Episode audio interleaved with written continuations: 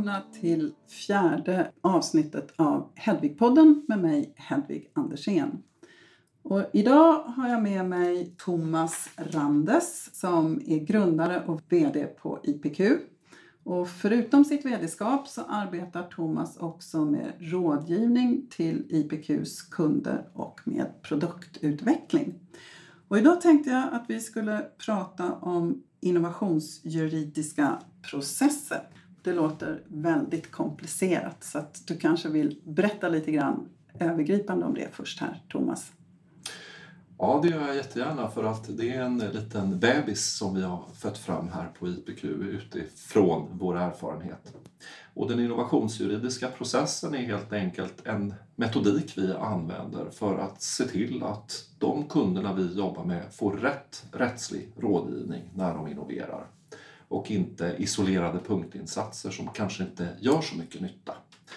Så att eh, det handlar dels om att hjälpa våra kunder men också styra våra egna rådgivare att jobba på rätt sätt. För att också våra rådgivare är ju specialister. Mm. Och specialister gör ju det de är specialiserade på. Och därför är det viktigt att få en bredare, bredare perspektiv som mm. bättre gagnar dem de hjälper. Mm. Ja, för till er lyssnare som har lyssnat på tidigare avsnitt av Hedvig-podden så vet ju ni att jag har som en röd tråd i den här podden hur man kan integrera olika aspekter av företagande så att det blir en synergi och att man kan arbeta både mer effektivt och också Eh, mer lönsamt på så sätt. Ehm, och det är därför när du och jag pratades vid Thomas förut här så, så tyckte jag att det var spännande att liksom tränga lite djupare in i hur ni tänker för att ni just sätter IP i en större kontext ehm, på ett sätt som kanske inte alltid går att använda på den typen av life science-bolag som jag arbetar mest med. Men tankesättet tycker jag ändå är, är viktigt och, och, jag tror att även life science-bolag kan få med sig rätt mycket utifrån det tänket. Eh, så att eh, hur kan då ett företag arbeta för att integrera IPn i hela innovationsprocessen utifrån ert sätt att se på det här, Thomas? Ja, jag tror att eh, du har ju life science-företag har, jobbar ju alltid med fördomen patent. Mm. Och det är ju inte bara en fördom utan det är realitet som är absolut nödvändig. Men jag tror också att den typen av företag har nytta av att använda sig av en snarlik process som vi har. Och det är ju helt enkelt så att begreppet innovation är ju så mycket bredare än begreppet uppfinning. Och hela den här processen har egentligen uppkommit för att också identifiera annan värdefull innovation hos företag än sådan innovation som bara har teknisk karaktär. Det är ju faktiskt så att de flesta framgångsrika företagen idag skiljer sig från sina konkurrenter inte för att de har en bra teknisk lösning utan kanske för att de är unika och väldigt bra på något annat som distribution, eh, jobba i sina nätverk eller jobba med branding på något speciellt sätt eller hur man är organiserad internt. Mm. Så att konkurrent, konkurrensmedlen är ju många och allt det här är ju innovation i någon mening. Det, det är roligt att du ja. säger det här för att eh, under den tid som jag jobbade som, som investerare så var det sällan, det hände ju att, att företag liksom misslyckades och, och var tvungna att stänga ner på grund av att teknologin fallerade. Mm. Men, men väldigt ofta, framförallt i medtechbolag till skillnad mm. från biotechbolag då, som mm. tar fram läkemedel, men, men i medtechbolagen där var det oftast att det var andra faktorer som mm. gjorde att de fallerade. Mycket det här med att hur kommer du ut på marknaden och hur ser omvärlden ut och hur positionerar du dig på, på rätt sätt och så vidare. Så mm. det var sällan teknologin som var orsaken till att det inte gick. Mm. Och det, jag delar den uppfattningen att ofta när folk kommer till oss så kan man ganska enkelt se att om de kommer klara det eller inte mm. oavsett vilken uppfinning de har med sig. Och det gemensamma eh, för eh, biotechbolagen till exempel om man jämför med andra branscher är ju att, att affärsidén är ju helt annorlunda. Mm. Man är ju inte ens riggad för försäljning. Det är en annan typ av djur som finns där som man måste hantera. Det, det är olika där med, med, mm. de, med de branscherna. Men om du tänker liksom fördelen med att jobba på det här sättet? Då? Vad, vad, vad kan, kan, du lyfta fram liksom de, de största fördelarna? De största fördelarna är ju att vi breddar ju våra perspektiv. Ja, varje människa, tror jag, någonstans innerst inne vill växa och lära sig. För att vi vet ju alla att, att ja, som vi sa, att innovation i annan form än teknik också kan ge ett värde. Mm. Och den innovationsjuridiska processen handlar ju om att också att åskådliggöra och se de värdena för att kunna få hävstång på de värdena också. Och processen är ju extremt viktig från oss, från vår sida internt på IPQ. För att annars så sitter ju våra specialister och är funktionellt dumma. Mm. för att vi är ju specialister och som specialist är du ju funktionellt dum. Så är det. Mm. Och det är väl lite det vi försöker göra, att göra våld på oss själva så att vi kan se andra saker. Och, och, och liksom de största problemen eller nackdelarna om man nu inte arbetar utifrån det här helhetsperspektivet, vad, vad ser du där och kan du ge några exempel på hur, hur det blir? Ja, eh, det största misstaget som man gör är att man missar potential.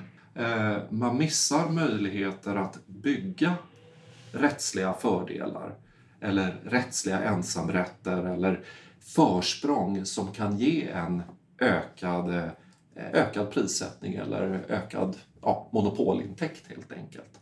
För allting handlar ju om att försöka jobba med de här värdedrivarna som företag har, prestanda eller tid, eh, kanske brand eller någonting sånt. Så juridiken ska ju stödja de här eh, drivarna mm. som hjälper företaget. Och oftast så brukar ju patent ge eh, skydd för, för eh, viss prestanda men och man bedömer ju oftast inte prestandan utifrån kvalitet. Mm. Eh, så att det första steget blir ju alltid att definiera vad, vad är det egentligen som skapar värde för att sedan börja applicera rätt rättsskydd på det hela. Och då behöver vi den här floran av specialister som tittar på det utifrån sitt perspektiv. Mm. Men om du då inte jobbar på det här sättet, vad, vad, hur, hur, ser du i de företag som du liksom träffar? Vad, vad är de, de mest påtagliga Liksom... Man, man, blir smal, mm. eh, man lägger ner onödiga eh, kostnader på vissa typer av skyddsformer, viss juridik. Eh, och man missar internt en dynamik och intressanta frågeställningar som är utvecklande i sig, skulle jag vilja säga. Mm. Man missar potential, höjer kostnaderna för, för, för onödiga saker och eh, missar utveckling. Så egentligen det du säger då är att man kan använda IP och de här eh, innovationsjuridiska mm. processerna mm. för att driva affärer och för att få bättre intäkter i företaget? Absolut. Mm. På något sätt har ju IP IP definieras ju som juridik men det är ju bara ett rättsligt skal som ska definiera en tillgångsmassa i sig. Eh, men på något sätt så eh, ser vi att flera företag lägger också de affärsmässiga bedömningarna hos de människorna som egentligen bara bygger skalet. Och därför beaktar man inte innehållet och vad det egentligen ska åstadkomma. Frågan ställs inte varför vi gör det, utan man tar in de som kan leverera svaret på huret. Mm. Och det är den bedömningen som måste göras. Varför? Och sen finns det flera hur. Det här förstärks också, det här problemet som också var en av IPQs frustrationer, att vi faktiskt i Sverige har en skråuppdelning eh, när det handlar om specialister som hanterar olika saker. Eh, internationellt sett till exempel i Tyskland och USA som är väldigt stora exportmarknader för svensk industri.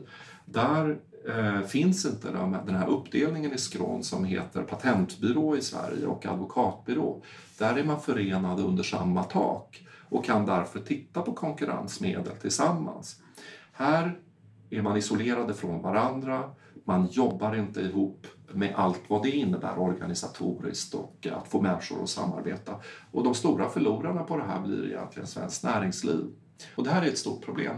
Vad vi har gjort på IPQ är att förena de här kompetenserna, både tekniken och juridiken. Eh, men har också lagt till en ytterligare komponent, det vill säga den företagsekonomiska bedömningen på mm. IP. Och hur, hur, viktigt tycker du att omvärldsanalysen och kontrollen på det är i det här sammanhanget? IP är ju fantastiskt på det sättet Hedvig, för att som konsult är det ju så otroligt roligt att kunna peka på IP hos konkurrenter och omvärlden. För att det talar ju faktiskt om hur världen ser ut, rent objektivt.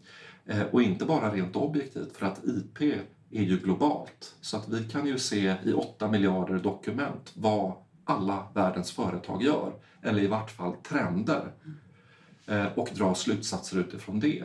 Så att när vi ger råd till våra kunder så är det ju inte subjektiva bedömningar utan det är ju subjektiva bedömningar på väldigt objektiva grunder. Så man får fram väldigt, väldigt bra fakta. Och omvärldsanalysen är helt central, skulle jag vilja påstå. Mm. Och det är ofta den också som triggar företagen att vakna och förstå. Jo, för att, alltså jag har ju den här ansatsen att, att försöka liksom få en helhetsbild och där ja. är ju omvärldsanalysen verkligen en, en motor i det hela ja. så att man sätter sitt företag i rätt kontext. Och inte bara utifrån hur omvärlden ser ut idag. Mm. För att om man arbetar med innovativa företag mm. så kommer de ju att konfronteras antingen med omvärlden utifrån att de kommer ut med en produkt eller att de ja. vill sälja sitt företag så småningom. Så det ligger liksom fem, sex, sju år fram i tiden, kanske ännu längre beroende på bransch. Då. Och det här gör ju att du måste förstå trender, alltså inte bara hur det ser ut idag utan hur kommer det se ut när mitt företag hamnar i skarpt läge. Ja. Och som jag hör på dig då är ju det här med att, att liksom ha koll även på IP i den omfattningen ger också en bra trendindikator, eller kan användas som en bra trendindikator för företagen. Det är ju en utomordentlig trendindikator och ibland är det ju svårt för företagen själva att förutse sin utveckling för att man sitter ju så nära sin egen verksamhet. Jag är ju själv antagligen hemmablind i verksamheten IPQ. Men vissa saker är ju alltid sanna och i synnerhet idag och det är ju att alla företag vill förflytta sig i värdekedjor. Och värdekedjor konvergerar och där kan vi ju förutse viss utveckling. Och där är ju IP ett fantastiskt instrument att se vilka aktörer är det som förflyttar sig i värdekedjorna och hur gör de? Och där ser vi förflyttningar idag som är, eh, som är förvånande helt enkelt. Att vissa aktörer kan tyckas byta bransch. Så att eh, min kollega Erik menar ju till exempel att branscherna håller på att försvinna. Mm. Jag vet inte riktigt om jag håller med fullt ut men jag tycker det är i alla fall en... en eh, det är en bra bild. Det är en väldigt bra bild. Mm. Ja, men man ser ju mm. det. Jag, jag, har jobbat en del med digital health mm. och, och, där kan du ju se väldigt väl hur aktörer plötsligt börjar samarbeta som tidigare absolut inte skulle samarbeta och hur nya aktörer kommer in på life science-området som Google och så vidare som, som tidigare inte har varit där. Mm. Så det, det är en trend som mm. jag tror håller i sig en lång tid framöver. Jag tror det där är jätteviktigt och vi försöker själva leva det också genom att eh, låta folk från andra eh, branscher eller företag mm. sitta hos oss. Mm. Och och då, om jag förstår det rätt så kan man ju också säga då att de investeringar, om man gör det på rätt sätt, som man gör sina investeringar i, i IP utifrån det här helhetstänket så kan det också vara en väldigt bra drivkraft för affärerna på både kort och lång sikt utifrån ett flertal olika aspekter. Men jag tror att företag måste bredda perspektivet från IP och också tänka på andra skyddsformer och vad det är för någonting. Mm. Utan eh, vad man vill skydda idag är ju inte bara teknik utan i den här konvergerande världen vill vi ju skydda samarbeten. Vi vill skydda oss mot samarbeten. Eh, så att vi talar helt enkelt om att kunna läsa relationer vi har med andra och jobba med andra rättsliga metoder. Men det som är kärnan där är ju innovationen någonstans som vi måste reglera. Eh, men det kanske handlar väldigt mycket om hur vi samarbetar och vem som ska skörda frukterna för samarbetet och hur vi delar dem och vem ska äga dem. Mm. Så att det är det det handlar väldigt mycket om. Så att egentligen för vi, fram, för vi in ett helt annat eh, tänk i innovationsjuridiken än att mm. bara skapa egendom med patent. Utan det handlar ju om hur innovationen rör sig mellan alla dessa parter. Och där krävs det annan rättslig metodik, mm. men också finns andra eh, rättsliga medel för att hjälpa parten att eh, säkra upp den här tillgången så mycket det går. Mm. Så om du skulle ge ett råd till unga innovativa företag, eller de behöver inte vara unga men innovativa ja. i alla fall, företag. Eh, vad bör man tänka på kring innovationsjuridiska processer? För det första, eh, ha inte en guru. Det är väldigt viktigt. Gå till flera.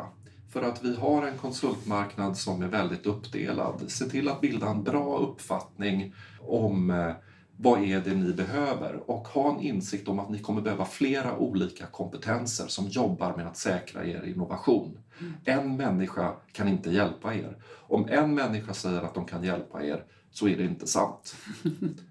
Det är det här rådet jag vill mm. ge.